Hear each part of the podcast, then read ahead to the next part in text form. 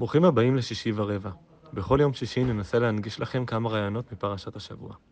והשבוע פרשת בלק. העם הגיע לעמק הירדן להרבות מואב, רואה את יריחו מעבר לירדן ואת ערי שומרון וירושלים באופק. החלק הראשון מתאר את בלק, בלעם ותקני מדיין ומואב על הערים, מחפשים תצפית טובה לקלל את העם. החלק השני מתאר את המפגש הראשוני והגרוע של הדור שנולד במדבר עם האלילות אל הפאור ולמוות. ננסה להבין את הזיקה בין שני החלקים.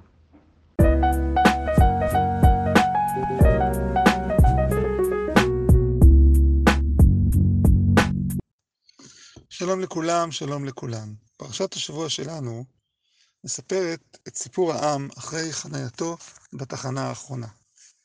הם נמצאים בערבות מואב מעבר לירדן יריחו בשנת ה-40. הווה אומר, הם נמצאים בשיפולי הרי ירדן, בבקעה. רגע לפני הכניסה לארץ, הם רואים כבר את, את, את, ה, את הארץ, הם רואים אולי מרחוק בלילה את האורות של יריחו, אולי הם רואים אפילו אורות על ההרים, על הרי ירושלים ויהודה, הם ממש ממש קרובים. אנחנו נמצאים רגע לפני נאום משה, שזה ספר דברים, רגע לפני הכניסה לארץ. עם ישראל חונה בצורה מסודרת בבקעה, בצד הירדני של היום, מתחת להרי מואב. שם, שם זה המקום, שם זאת התחנה האחרונה, והפרשה שלנו מספרת לנו מה קורה להם בתחנה האחרונה, בעצם לפני הכניסה לארץ ישראל, לפני המעבר של הירדן, והכניסה אה, לנחול את, ארץ כנען. אז הפרשה מספרת את הסיפור של מה קורה להם משתי זוויות. מזווית אחת, זווית חיצונית. אה, בלק בן ציפור מזמין את בלעם הקוסם ועוד חבורת קוסמים וזקני מואב, שמבועטים מהעם החדש שפתאום צנח עליהם, שהוא כל כך חזק שאפילו ניצח את מי שניצח אותם קודם.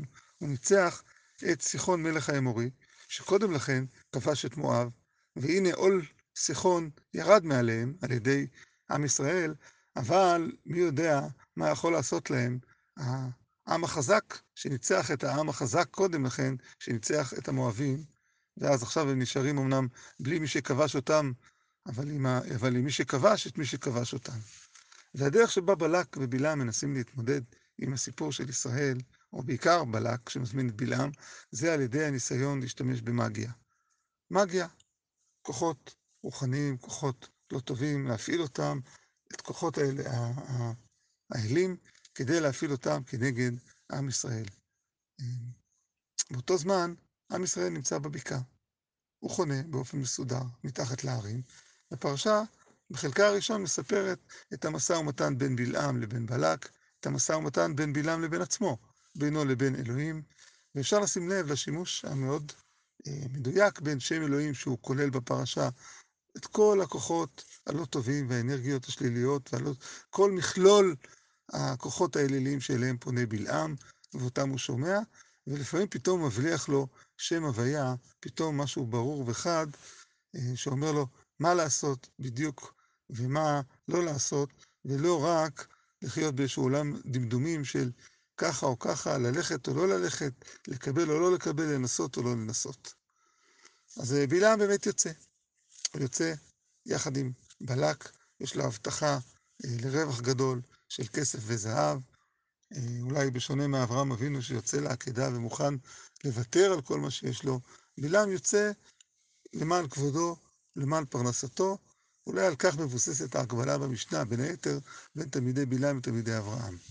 אז נחזור לפרשה. בלעם יוצא, ולוקח איתו את בלק, והם מתחילים להסתובב על ההרים, לנסות למצוא מקום לקלל את העם שבאותו זמן נמצא בבקעה, בגיא, בערבה.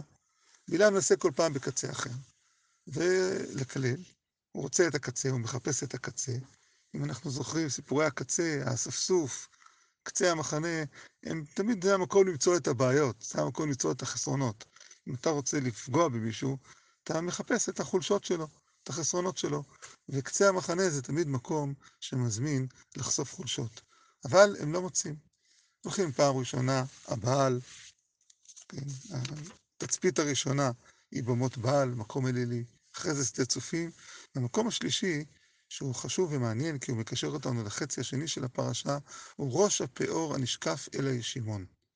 זה כבר לא רק עמדת תצפית, כמו שדה צופים, זה כבר לא רק אה, מקום של זווית ראייה, אלא זה מקום שממנו רואים את הפאור.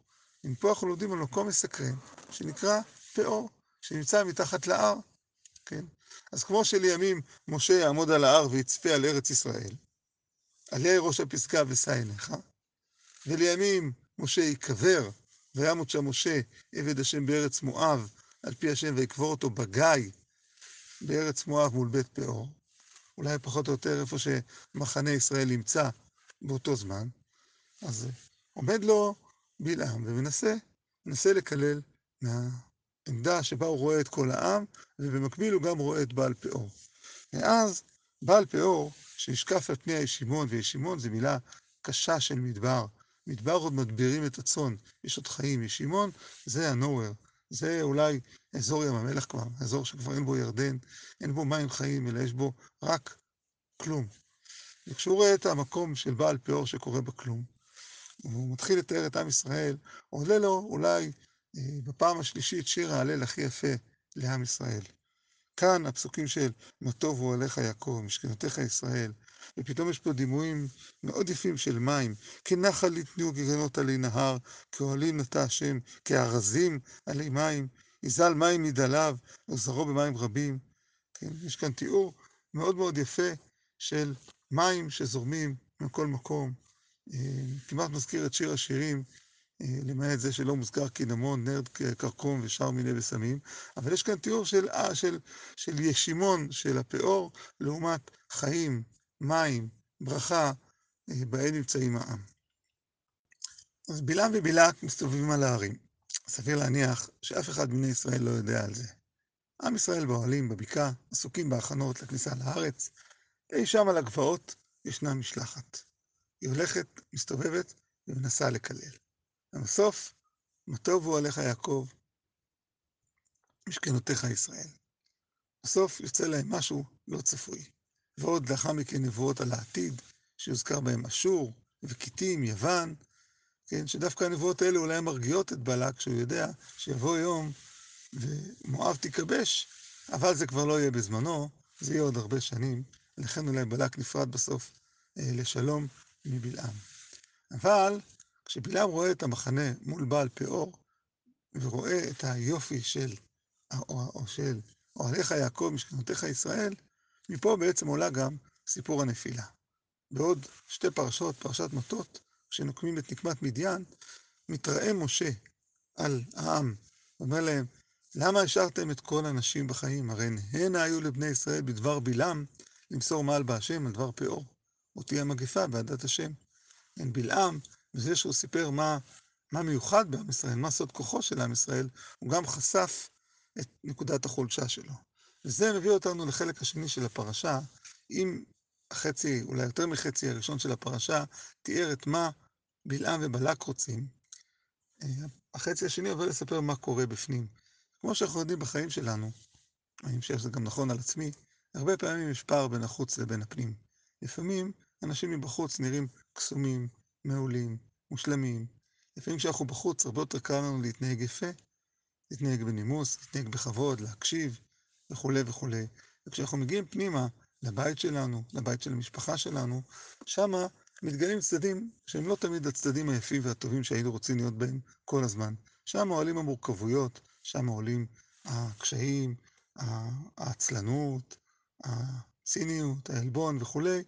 אה, מה שנקרא, אה, מלשונו של אריק איינשטיין, בחוץ אידיאל ואידאה ובפנים מי יודע. זאת אומרת, יש פער בין החוץ לפנים, והפער הזה משתקף יפה בפרשה שלנו. מבחוץ, כשבלעם ובלק רואים את העם, הם רואים עם נפלא, עם מדהים, עם שיש לו טוב, שיש לו יחד, שיש לו שפע, שהוא מוגן. אז המצלמה עוברת מההרים למעלה, בזום אין לתוך מה שקורה בתוך העם. וכאן מתגלה שהסיפור של בעל הפאור שהוא על הישימון, לעומת העם של טוב הוא עליו, הוא לא כזה פשוט. הוא לא כזה פשוט. כי בעצם בעל פאור הוא מהווה התמודדות לא פשוטה.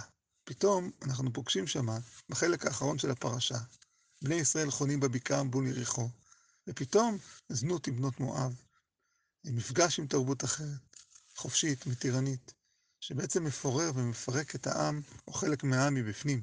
הוא לא רק מפרק את העם מבפנים, במובן הזה שיש קבוצה שהולכת החוצה וחוטאת, אלא, הוא גם, אלא הוא גם גורם להם, וזה אולי שיא הסיפור, שאיש מבני ישראל בא עם המדיינית לעיני משה, לעיני כל עדת בני ישראל, פתח אוהל מועד. זאת אומרת, הצעקה של אותם אנשים שנחשפו לתרבות המקומית, היא לא רק אנחנו נלך ונעשה שם מה שאנחנו רוצים, אלא למה שלא נעשה את זה כאן?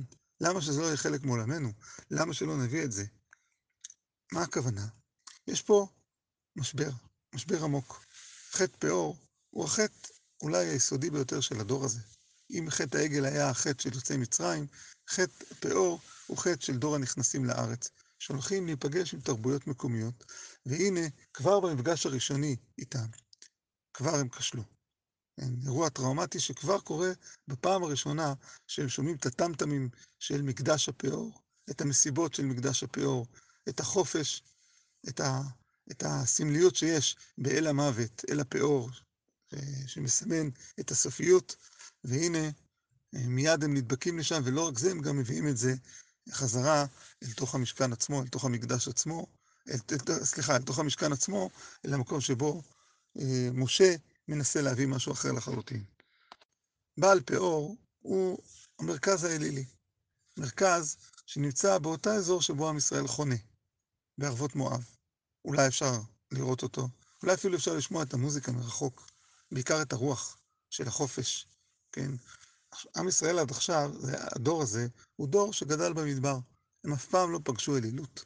הם לא ראו אותה בעיניים. הם חיו עם עמוד ענן ועמוד אש ועם המן ועם ועם משה ועם אהרון.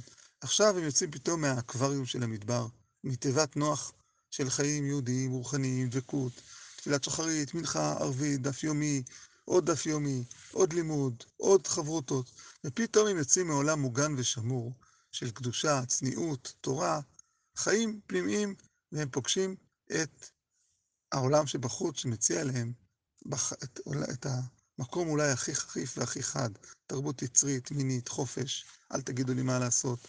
בעל פאור, אל המוות, הסוף, אל בבלי, מיתולוגי, מסמן את הירידה בסוף לבור תחתיות. כמו שישעיהו אומר אה, בפרק ה', לכן הרחיבה שאול נפשה, או פערה פיה לבלי חוק.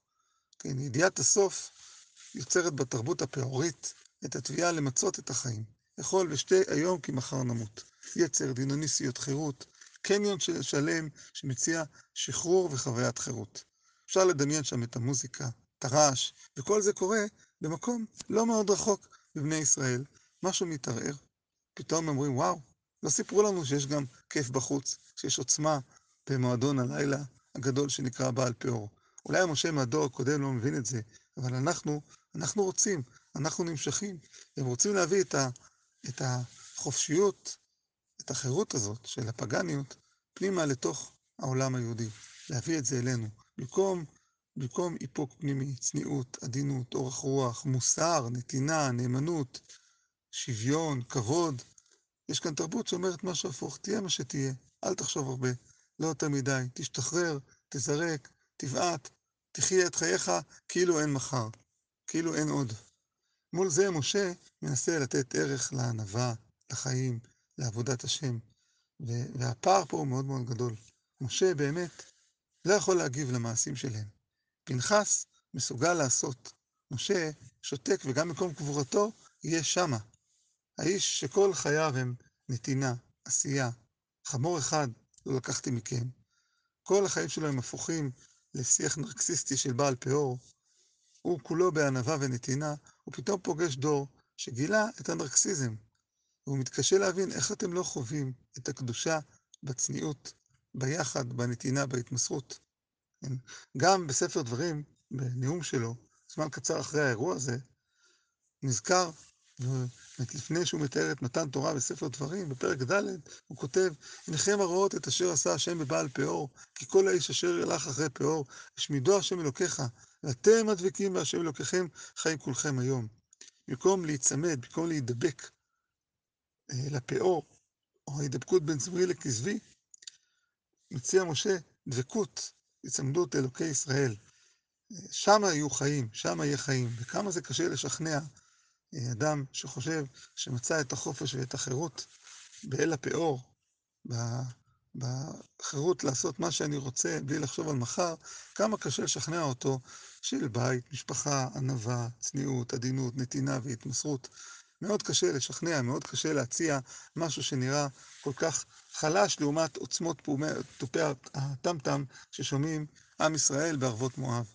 אז הנה, המפגש הראשון עם התרבות המקומית הוא יוצר שריטה, יוצר טלטלה, עד שבסוף ספר יהושע, כשראובן וגד רוצים לבנות מזבח בירדן מכוונות טובות, מזדעק, מזדעקים האלה ואומרים להם, מה קרה לכם? אנחנו עוד לא נרפאנו מחטא פאור.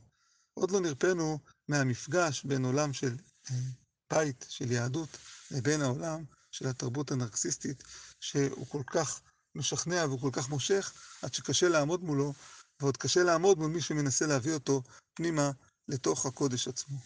אז מהבחינה הזאת, הפרשה שלנו היא תמונת מראה.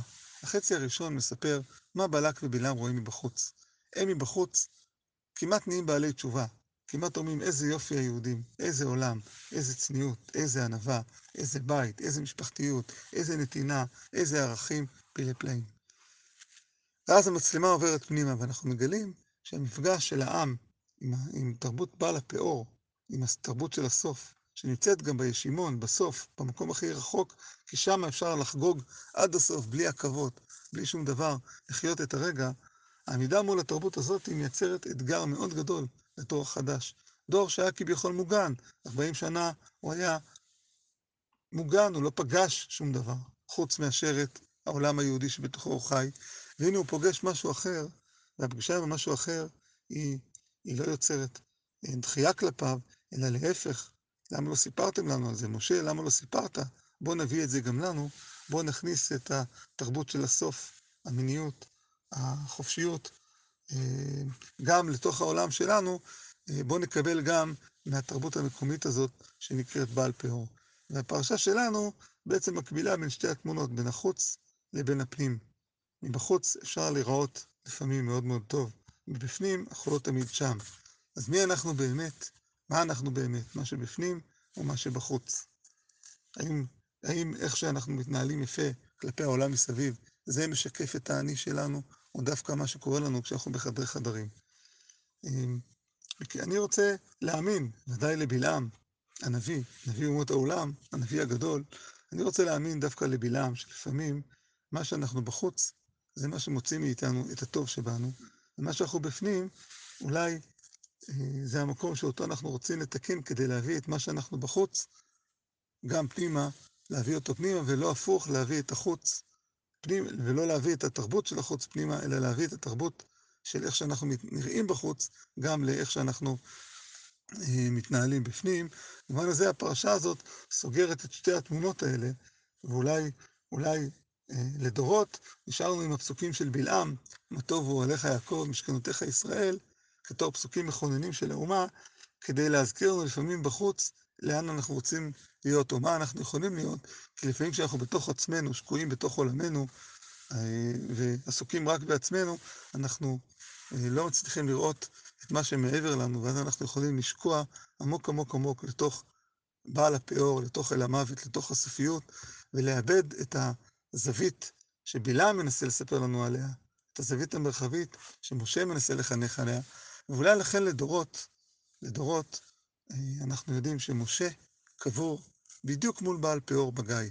אי שם, מתחת להרים, בערבות מואב, בצד הירדני, יש לנו צד אחד שיש בו את בעל הפאור, וצד אחד של משה.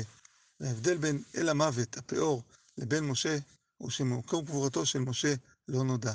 זה לא מרכז. המרכז הוא לא אה, המרכז של המוות, המרכז הוא החיים. ולכן, מכיוון שהמרכז הוא החיים, משה קבור שם, אנחנו לא יודעים איפה הוא, זה לא כל כך משנה. שם המקום של המוות, שם המקום מצד אחד של אל הפאור, מצד שני של קבורת משה, אבל אתם מדבקים בהשם אלוקיכם, חיים כולכם היום, לפעמים צריך זמן. כשמוכנים לתת עוד זמן ופרספקטיבות, אז מגלים את הכוח של השתיקה, את הכוח של הענווה של משה. זה נכון שבאותו רגע הייתה נדרשת תגובה, וכאן נכנס פנחס, אבל זה כבר בשבת הבאה, פרשה הבאה, פרשת פנחס, שבת שלום לכולם.